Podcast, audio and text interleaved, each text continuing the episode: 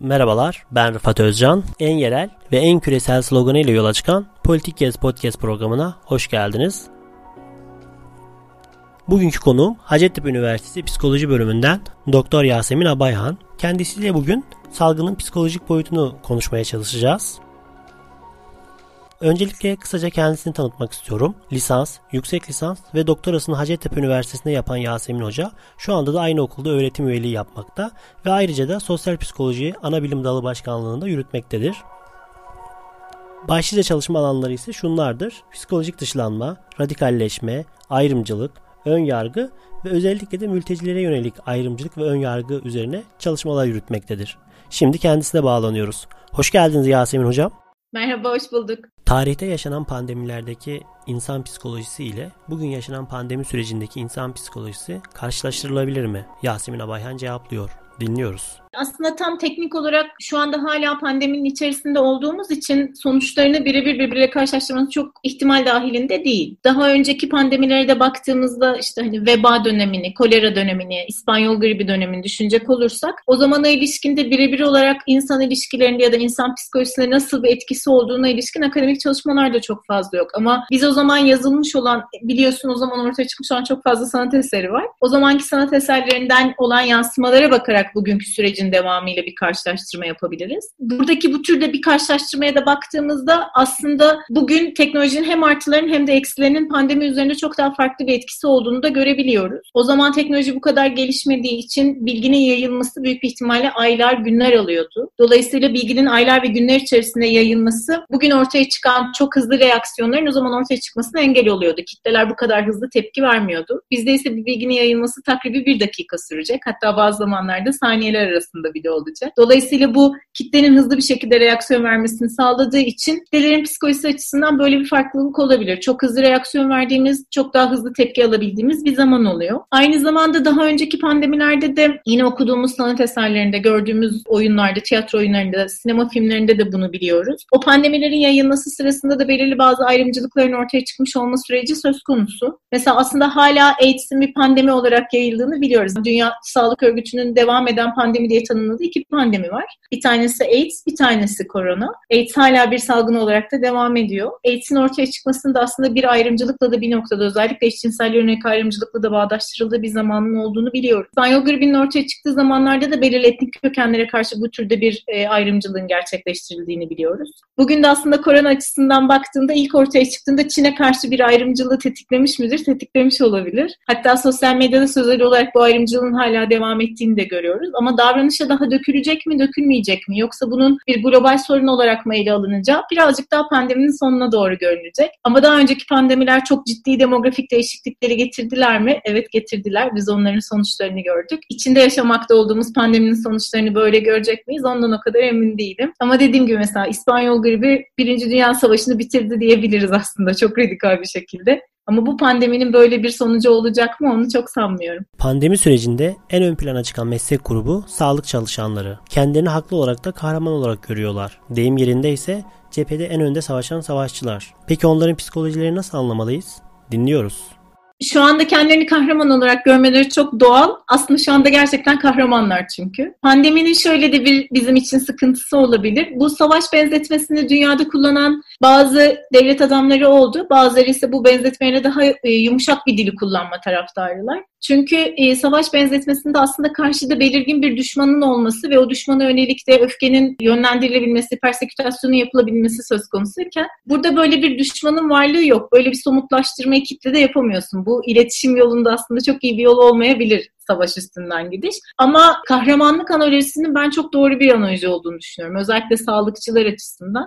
Bireysel sorumluluk düzeyleri çok yüksek sürece ilişkin hepimize göre daha fazla bilgiye sahipler Tamam bu hastalık tam anlamıyla çözülememiş olabilir ama temelde nasıl bir hastalık oldu, bir pandemi oldu, bir enfeksiyon hastalığı olduğu belli. Dolayısıyla bu konuda bize göre daha fazla bilgiye sahipler ve kontrol edebildikleri ve kontrol edemedikleri var. Ama işte bu senin de söylediğin gibi hani ister istemez o kahramanlığa insanın kendini kaptırmasında, bir kahramanlık yanılsamasının devamında. Onun nasıl bir şey olduğunu psikososyal destek ekibinde sahada çalışmış bir insan olarak ben de biliyorum. İnsan kendini buna kaptırdığında kendi temel ihtiyaçlarını çok ardı etmeye başlayabiliyor. Bu da doğru bir şey olmuyor aslında bir noktada. Hani uçaklara bindiğimizde şöyle bir şey olur ya ilk başta güvenlik önlemlerinde söyler oksijeni önce kendinize sonra yanınızdakine tutmalısınız ki hayatta kalabilin ve diğerlerine yardım edin diye. Aslında sağlıkçılar için de bu geçerli. Onların kendi bireysel sağlıklarını, fiziksel ve psikolojik sağlıklarını koruyabiliyor olmaları lazım ki yardım etmeye devam edebilmeleri açısından. Ben burada Türkiye'deki doktorları çok açıkçası ehil görüyorum. Çok daha şanslı da görüyorum. Buna ilişkin bazı analizler okudum, sen de okumuşsundur. Türkiye'deki hastanelerin genellikle zaten çok kalabalık olması, gün içerisinde gelen hasta sayısının, hasta sirkülasyonunun çok olması böyle bir durumda dünyadaki diğer hastanelere göre Türkiye'deki doktorları daha bu duruma hazırlıklı hale getirmiş. Aslında yıllar içerisinde bu duruma hazırlıklı hale gelinen bir durum olduğunu görüyoruz. Normal dönemden daha az hastaya bakıyoruz diyen doktorlar da var. Büyük ihtimalle evet. Aynen öyle. Büyük ihtimalle öyle. Ben işte dün halamı hastaneye götürdüm. Hani sokağa çıkma yasağı vardı ama hastaneydi. Gerçekten hastane daha az çalışıyordu. Çok alışkın oldukları kriz yönetim konusunda Türkiye'deki doktorlar, Türkiye'deki sağlık çalışanları kriz yönetimi meselesinde yıllarca belki hani toplumsal olarak sahip olduğumuz bu krize alışkanlıktan dolayı daha ehil bir noktadalar. E, belirtilerin daha çeşitli olması, hasta rancının daha farklı olması, birden fazla farklı hastalığı görmüş olmaları, bazı belirtilere acil müdahale edebiliyor olmaları da onları daha rahatlatan bir durum. Bireysel sorumluluk düzeyleri çok yüksek, kaygıları çok yüksek ama dediğim gibi burada birazcık daha ehil bir pozisyonda olduklarını görüyoruz. Ama hepimizin şu hayattaki temel eksikliklerinden birinin onlar içinde olduğunu unutmamak lazım. Buna ilişkin de bazı videolar görüyoruz. Ben çok üzülüyorum açıkçası onları gördüğümde. Onların sosyal rolleri var ve şu anda bu sosyal rolleri birbirleriyle çakışıyor. Onlardan biri de şu onlar doktorlar evet.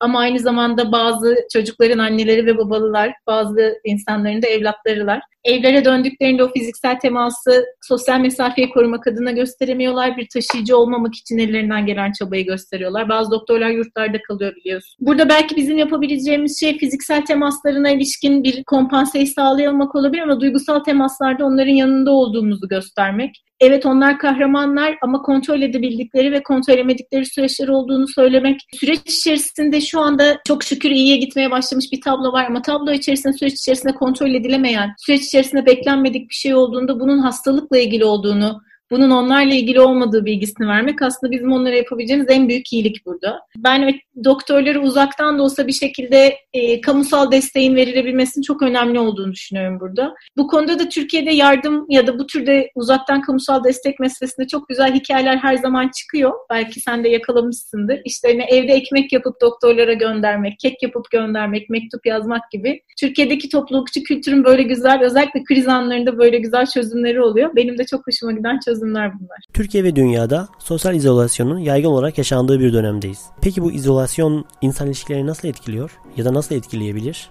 Dinliyoruz.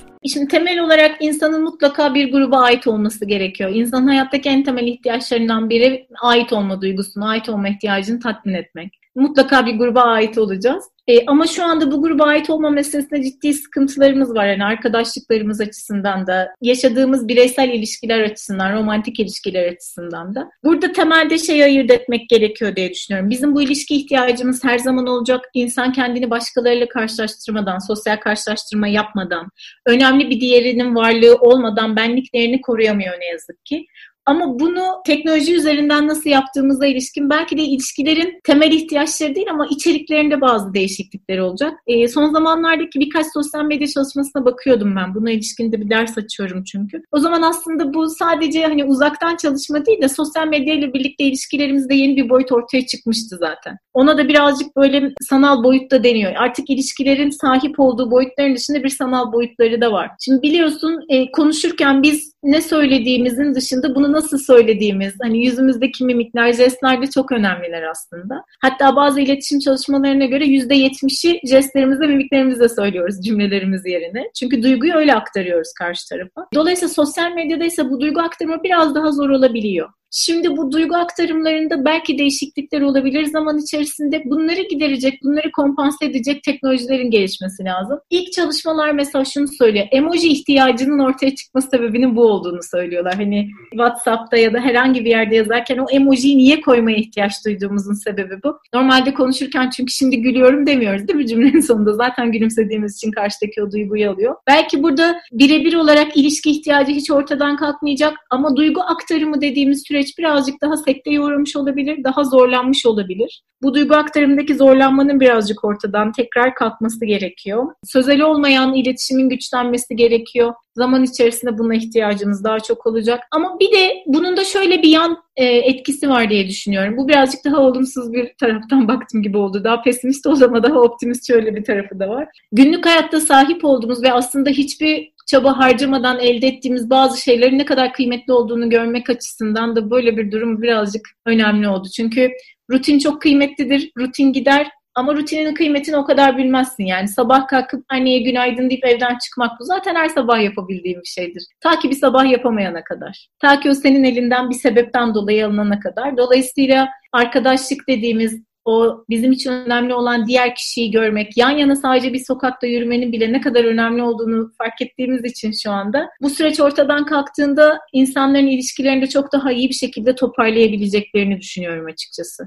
Hatta şöyle bir düşüncem de var. Ee, çok böyle tırnak içinde hani yaşam koçu modunda konuşmak da istemem. Biz psikologlar çok hoşlanmayız zaten böyle meselelerden ama bu tür bir durum bireyin benlik farkındalığını çok arttıran bir durum. Çünkü gün içerisinde kendini daha çok görüyorsun. Hem bedensel olarak hem de bireysel işlerinle ilgili olarak dikkatin daha kendine dönmüş oluyor. Büyük bir ihtimalle ilişkisel farkındalığı da çok arttıran bir durum. İlişkisel farkındalık da şu demek, o ilişkinin nasıl gittiğine ilişkin bir değerlendirme yapmak demek. Hatta araştırmalar erkeklerin bunu kadınlara göre genelde sadece kavga zamanında yaptığını söyler. Kadınlar bunu hep yaparlar ama erkekler bunu genelde kriz zamanlarında yaparlar. Ama böyle bir durumda şu anda büyük bir ihtimalle hepimiz ne tür bir sosyal desteğe sahip olduğumuzu anlayabilmek için var olan bütün ilişkilerimizin muhasebelerini yapıyoruz. Bu hem iyi bir şey hem de kötü de bir şey olabilir ama bir noktada iyi bir şey. Çünkü bu muhasebeleri yap, bu muhasebeyi yapmak, bu ilişkilerin kıymetini bilebilmek açısından, onarılması gereken süreçleri onarabilmek açısından çok önemli. Günlük hayat bize hiçbir zaman böyle bir muhasebe zamanı vermiyor. İlk defa böyle bir şey oldu. Belki bunu bu şekilde kullanmak, böyle daha güçlü bir yöne dönüştürmek bizim için daha iyi olabilir. Pandemi sürecinde ev içinde de bazı değişimlerin yaşanmasına neden oldu ya da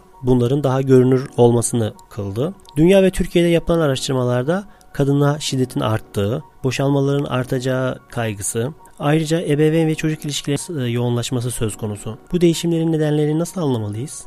Dinliyoruz. Aile içindeki şiddetin artışı ne yazık ki salgından önce başlamıştı. Çocuk istismarına ilişkin istatistiklerde son yıllarda bütün dünyada artış gösteriyordu. Buna ilişkin yapılan çalışmalar bunun neden olduğuna bakıldığında pek çok nedenin ortaya çıktığını söylüyor. Ama salgın temelinde baktığımızda burada aslında bir bireyin özgürlüğünün kısıtlanması gibi çok temel bir mesele var. Şimdi özgürlüğün kısıtlanması bazı süreçlerde kişilerin saldırgan davranışların artmasına sebep olabilir. Özellikle de aslında zaten ailede devam eden bir problem varsa tablo zaten kendi içerisinde böyle sorunlu bir tablo ise bu durumda hem şiddetinin hem de frekansının artma ihtimali de olabilir. Böyle bir durumda ne yapılması gerekir dendiğinde aslında sistemin daha koruyucu ve önleyici bazı tedbirler alması ve devreye girmesi gerekiyor. Biz insanlara evlerinde durmaları, aileleriyle beraber durmaları gerektiğini söyledik ama sen de söylediğin gibi bazı aileler kendi içerisinde istismarı devam ettiriyorlarsa buna ilişkin bir çözümün de mutlaka gelmesi lazım. Koruyucu aile sistemi içerisinde bunun devam etmesi lazım.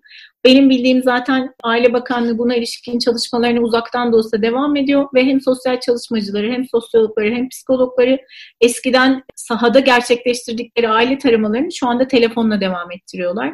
Ve herhangi bir çocuğa veya herhangi bir kadına ilişkin bir koruma kararı çıkarttırmak istiyorlarsa buna ilişkin de mahkemeler üstünden bu kararları çıkarttırıyorlar. Burada özgürlüğün kısıtlanması dışında yapılabilecek şeylerden bir tanesi belki uzaktan süreci devam ettirirken uzaktan bir psikolojik desteğin sağlanması olabilir. Özellikle saldırganlık düzeyi artmakta olan kişilere ve onları daha takip etmek, monitör etmek de birazcık önemli olabilir. Aynı zamanda kaygının artması, ölümün daha belirgin hale gelmesi de bireylerin davranışlarında daha riskli davranışlar almasını sağlıyor olabilir. Biz biraz saldırganlık üstünden konuştuk ama şimdi madde kullanımı, alkol kullanımı gibi belirli başka bağımlılıkların da bu dönemde artıyor olması gibi bir sıkıntı olabilir. Bunlar da dediğim gibi yine tekrar aslında uzmanlar tarafından takip edilmesi ve bu takibe bağlı olarak da yapılması gereken sürecin mutlaka sonuçlandırılması gereken durumlar. Pandemi döneminde psikolojik olarak insanların kaygılarını arttığı ve bunun da en büyük nedeninin belki de belirsizlik olduğunu söyleyebiliriz. İnsanların artık belirsizliğe tahammülsüzlüğü söz konusu mu? Dinliyoruz.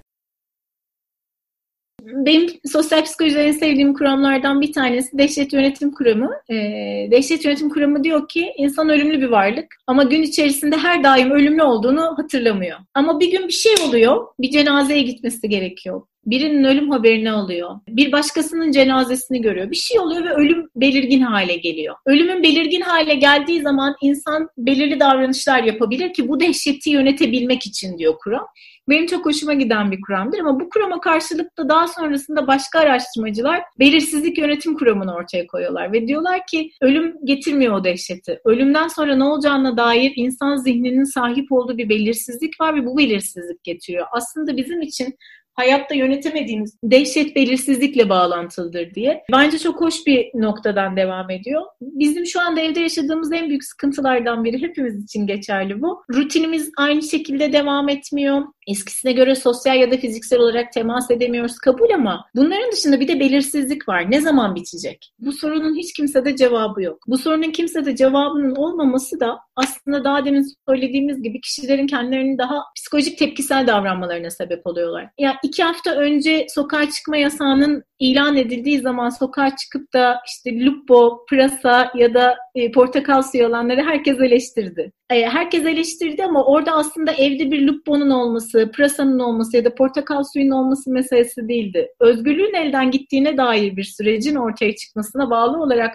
bir kişinin psikolojik tepkisel davranmasıydı. Yani iki gün yoksa Türkiye'de ortalama herhangi bir evde iki gün zaten geçirebilirsin büyük ihtimalle. Ama orada asıl mesele başka bir şeydi. Özgürlüğüm elinden gidiyor gibi düşününce bir psikolojik tepkisellik ortaya çıktı. İşte bu türlü bir belirsizlik de uzadığı süreç içerisinde yapılmaması söylenen ortaya konan, yasaklanan davranışın aksini yapmaya yönelik davranışları ortaya çıkartabilir. Biz Türkiye'de buna ilişkin resimleri ya da videoları çok fazla görmedik ama sen de görmüşsündür. Amerika'da basında da çok fazla çıktı. Avrupa'da da buna benzer resimler vardı. Tuvalet kağıdı için kavga etmek gibi alışveriş merkezinde. Yağmalamak gibi mesela alışveriş merkezini. Neden tuvalet kağıdı alıyorlar? Mesela bunu çok düşünmek lazım. Çünkü ben onun şöyle bir süreç olduğunu düşünüyorum. Maslow'un ihtiyaçlar hiyerarşisi. En temeldeki ihtiyacımız ne? Hayatta kalmak ve fiziksel bir düzeyde bunu gerçekleştirmek. Fiziksel varkalımı sağlayabilmek için de en temel ne? Açlığı gidermek, susuzluğu gidermek ve vücudun ihtiyaçlarını giderebilmek. Tuvalet kağıdı bununla çok bağlantılı. Çok primitif, çok ilkel ama çok hayatta kalma ile ilgili. O yüzden tuvalet kağıdı büyük ihtimalle o yüzden makarna, o yüzden su. Hani herkesin birebir olarak gidip dağılmaya çalıştığı şeyler bu. Bu türde bir belirsizlikte hayatta kalmaya çalıştığımız için kaynaklarımızı sabit tutmaya çalışıyoruz. Bilmiyorum sende oluyor mu ama mesela ben geçen hafta biraz zor çalıştım. Hani ilk üç hafta çok hızlı çalıştım, çok yoğun çalıştım ama geçen hafta biraz zorlandım. Bu da çok normal. Kendini düzenleme kuramı da bunu söyler bu türde durumlarda belirsizliğinle karşılaştığımız durumlarda insan beyni, insan organizma olarak insan kaynaklarını korumak ister. Biz de şu an kaynaklarımızı korumaya çalışıyoruz. O yüzden de o belirsizliğe karşı daha tahammülsüzüz, enerjimizi harcamak istemiyoruz ve e, elimizde tutmaya çalışıyoruz. Yine bu dönemde dünyaca deneyimlediğimiz uzaktan iş ve eğitim sürecini yaşıyoruz. Bireylerin bu süreçte zorlanması söz konusu.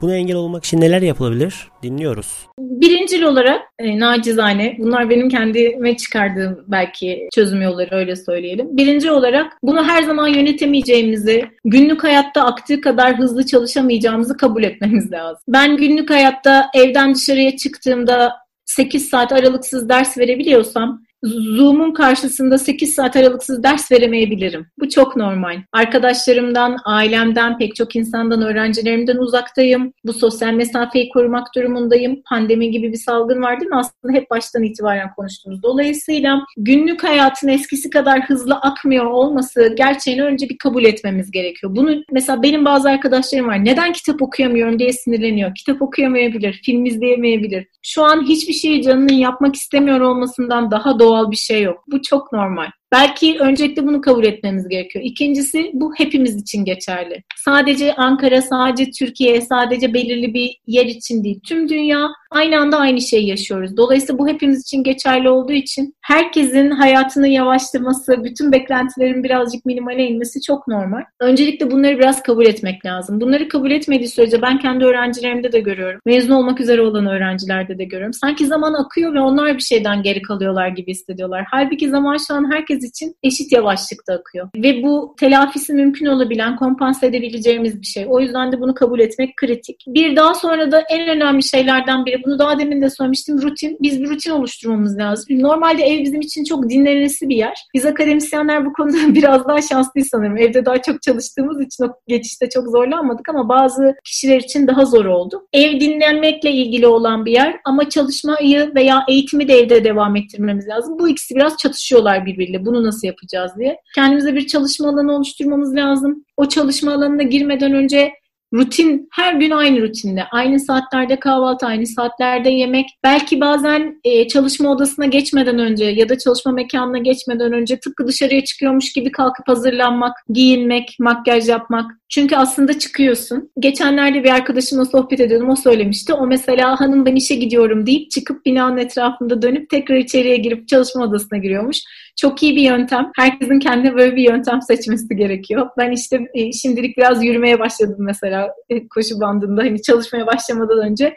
Zihni bölmek, bu türde rutinleri oluşturabilmek ev için çok önemli. Çünkü öbür türlü dikkatimizi toparlama ihtimalimiz olmayacak. Özellikle eğitim açısından baktığımızda hani çocuklarda bu rutini EBA çok iyi devam ettirebiliyor. Milli Eğitim Bakanlığı bunu çok iyi sağladı. Üniversite öğrencilerinde de bu rutinin kendileri tarafından oluşturulması lazım. Ve diyelim ki şu an aslında hepimiz geceleri uyumuyoruz değil mi aslında? Birazcık böyle gün tersine döndü gibi bir şey oldu çoğumuzda. Dolayısıyla gün içerisinde kendisinin hangi zamanda daha iyi çalışabildiğini, dikkatini daha iyi nasıl toplayabildiğini çözüp bu daha dezavantajlı görünen durumu avantaja çevirmek gerekiyor. Çünkü şu anda birbirimizden uzak olabiliriz ama teknoloji sağ olsun eşit derecede ulaşılabiliriz eskisine göre. Dolayısıyla bunu kullanıp herkes kendisinin dikkatini toplayabildiği zamanlarda daha fazla çalışabildiği bir zamana gidebilir diye düşünüyorum. Peki pandemi sosyal ilişkilerinizin kurallarını yeniden şekillendirecek mi? Dinliyoruz.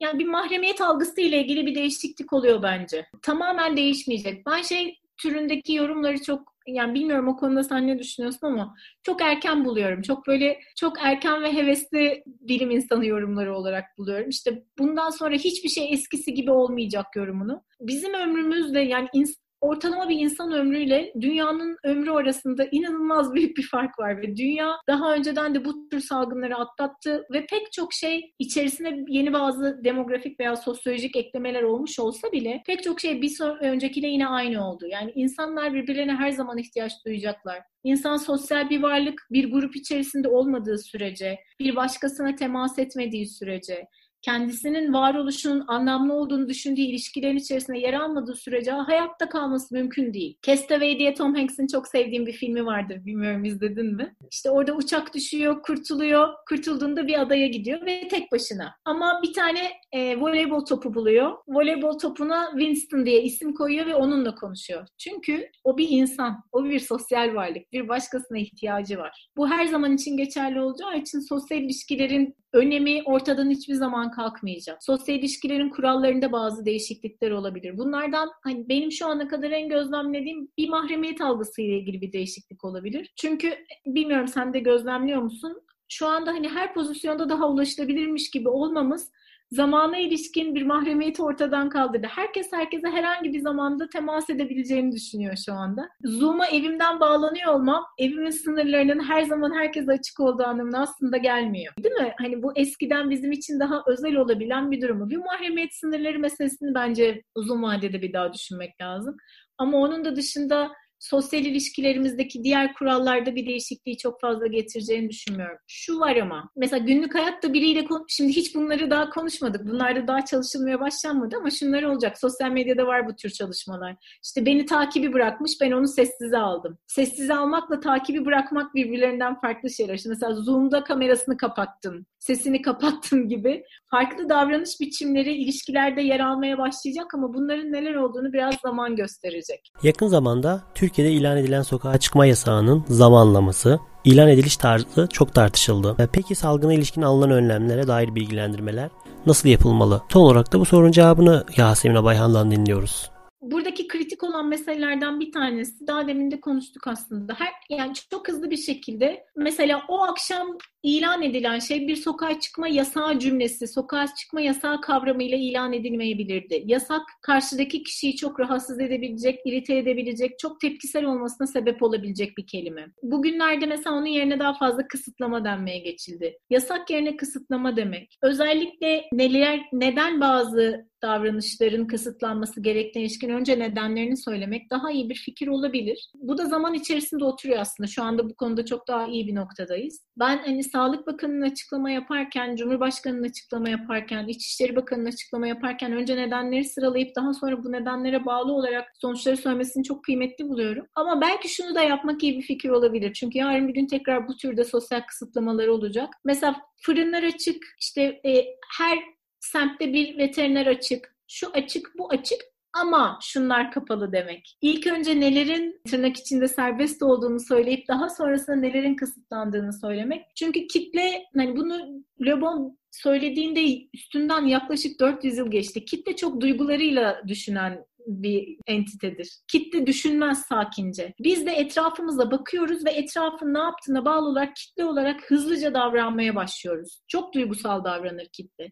O yüzden de kitlenin ilk önce duygularına, kaygılarına hitap edip onları biraz sakinleştirip daha sonrasında daha rasyonel davranabileceğini düşündüğümüz bilgileri vermek her zaman daha makul olabilir. Sağlık Bakanımız her gün açıklama yapıyor. Ben bunu çok sağlıklı buluyorum, çok makul buluyorum. Bu yapılan açıklamaların dışında başka ülkelerde de buna benzer uygulamalar var. Gün içerisinde de Sağlık Bakanlığı'nın da web sayfası var ama Sağlık Bakanlığı web sayfası daha geliştirilebilir. Daha fazla bilginin orada yer alması sağlanabilir. Özellikle haritalar üzerinde daha detaylı bilgiler verilebilir. Ve bu bilgilerin verilmesi sırasında kritik olan şeylerden bir tanesi de şu. Teknik terimler daha az kullanılabilir. Biz artık entübenin ne demek olduğunu öğrendik ama entübenin ne olduğunu keşke en başından anlatarak konuşsaydık. Bu çok daha makul olabilirdi. Bazı hani çünkü kavram bilmediğimiz, şu an biz hiçbir şey bilmediğimiz için hepimizi korkutuyor. Hani bu kavramların içerisine açmak çok daha iyi olabilir. Ne söylediğinizden çok onu nasıl söylediğiniz çok önemli. Güçlü yönlerimizin neler olduğu, kontrol edebildiğimiz şeylerin neler olduğunu vurgulayarak daha sonrasında daha kontrol edemediğimiz ama zaman içerisinde kontrol edebileceğimiz şeyleri söylemek. Bunun bizim için ne tür olanaklar yarattığını söylemek çok daha iyi bir fikir olabilir. Dediğim gibi bunları aslında aslında yapıyoruz ama bundan sonrasında da daha formülasyonu e, standart hale getirmek çünkü belli bir süre daha büyük ihtimalle bu süreç devam edecek. Hepimiz için daha iyi olacaktır diye düşünüyorum. Çok teşekkür ediyorum Yasemin Hocam. Son olarak eklemek istediğiniz herhangi bir şey var mı? Ben çok teşekkür ederim. Umarım bu süreç geçer. Yine yüz yüze görüşebildiğimiz zamanlara gelir. Senede tekrar yüz yüze görüşeriz umarım. Umarım. E, salgının psikolojimiz üzerindeki etkisini Yasemin Abayhan ile konuştuk. Bizi dinlediğiniz için teşekkürler. Kulağınız bizde olsun. Música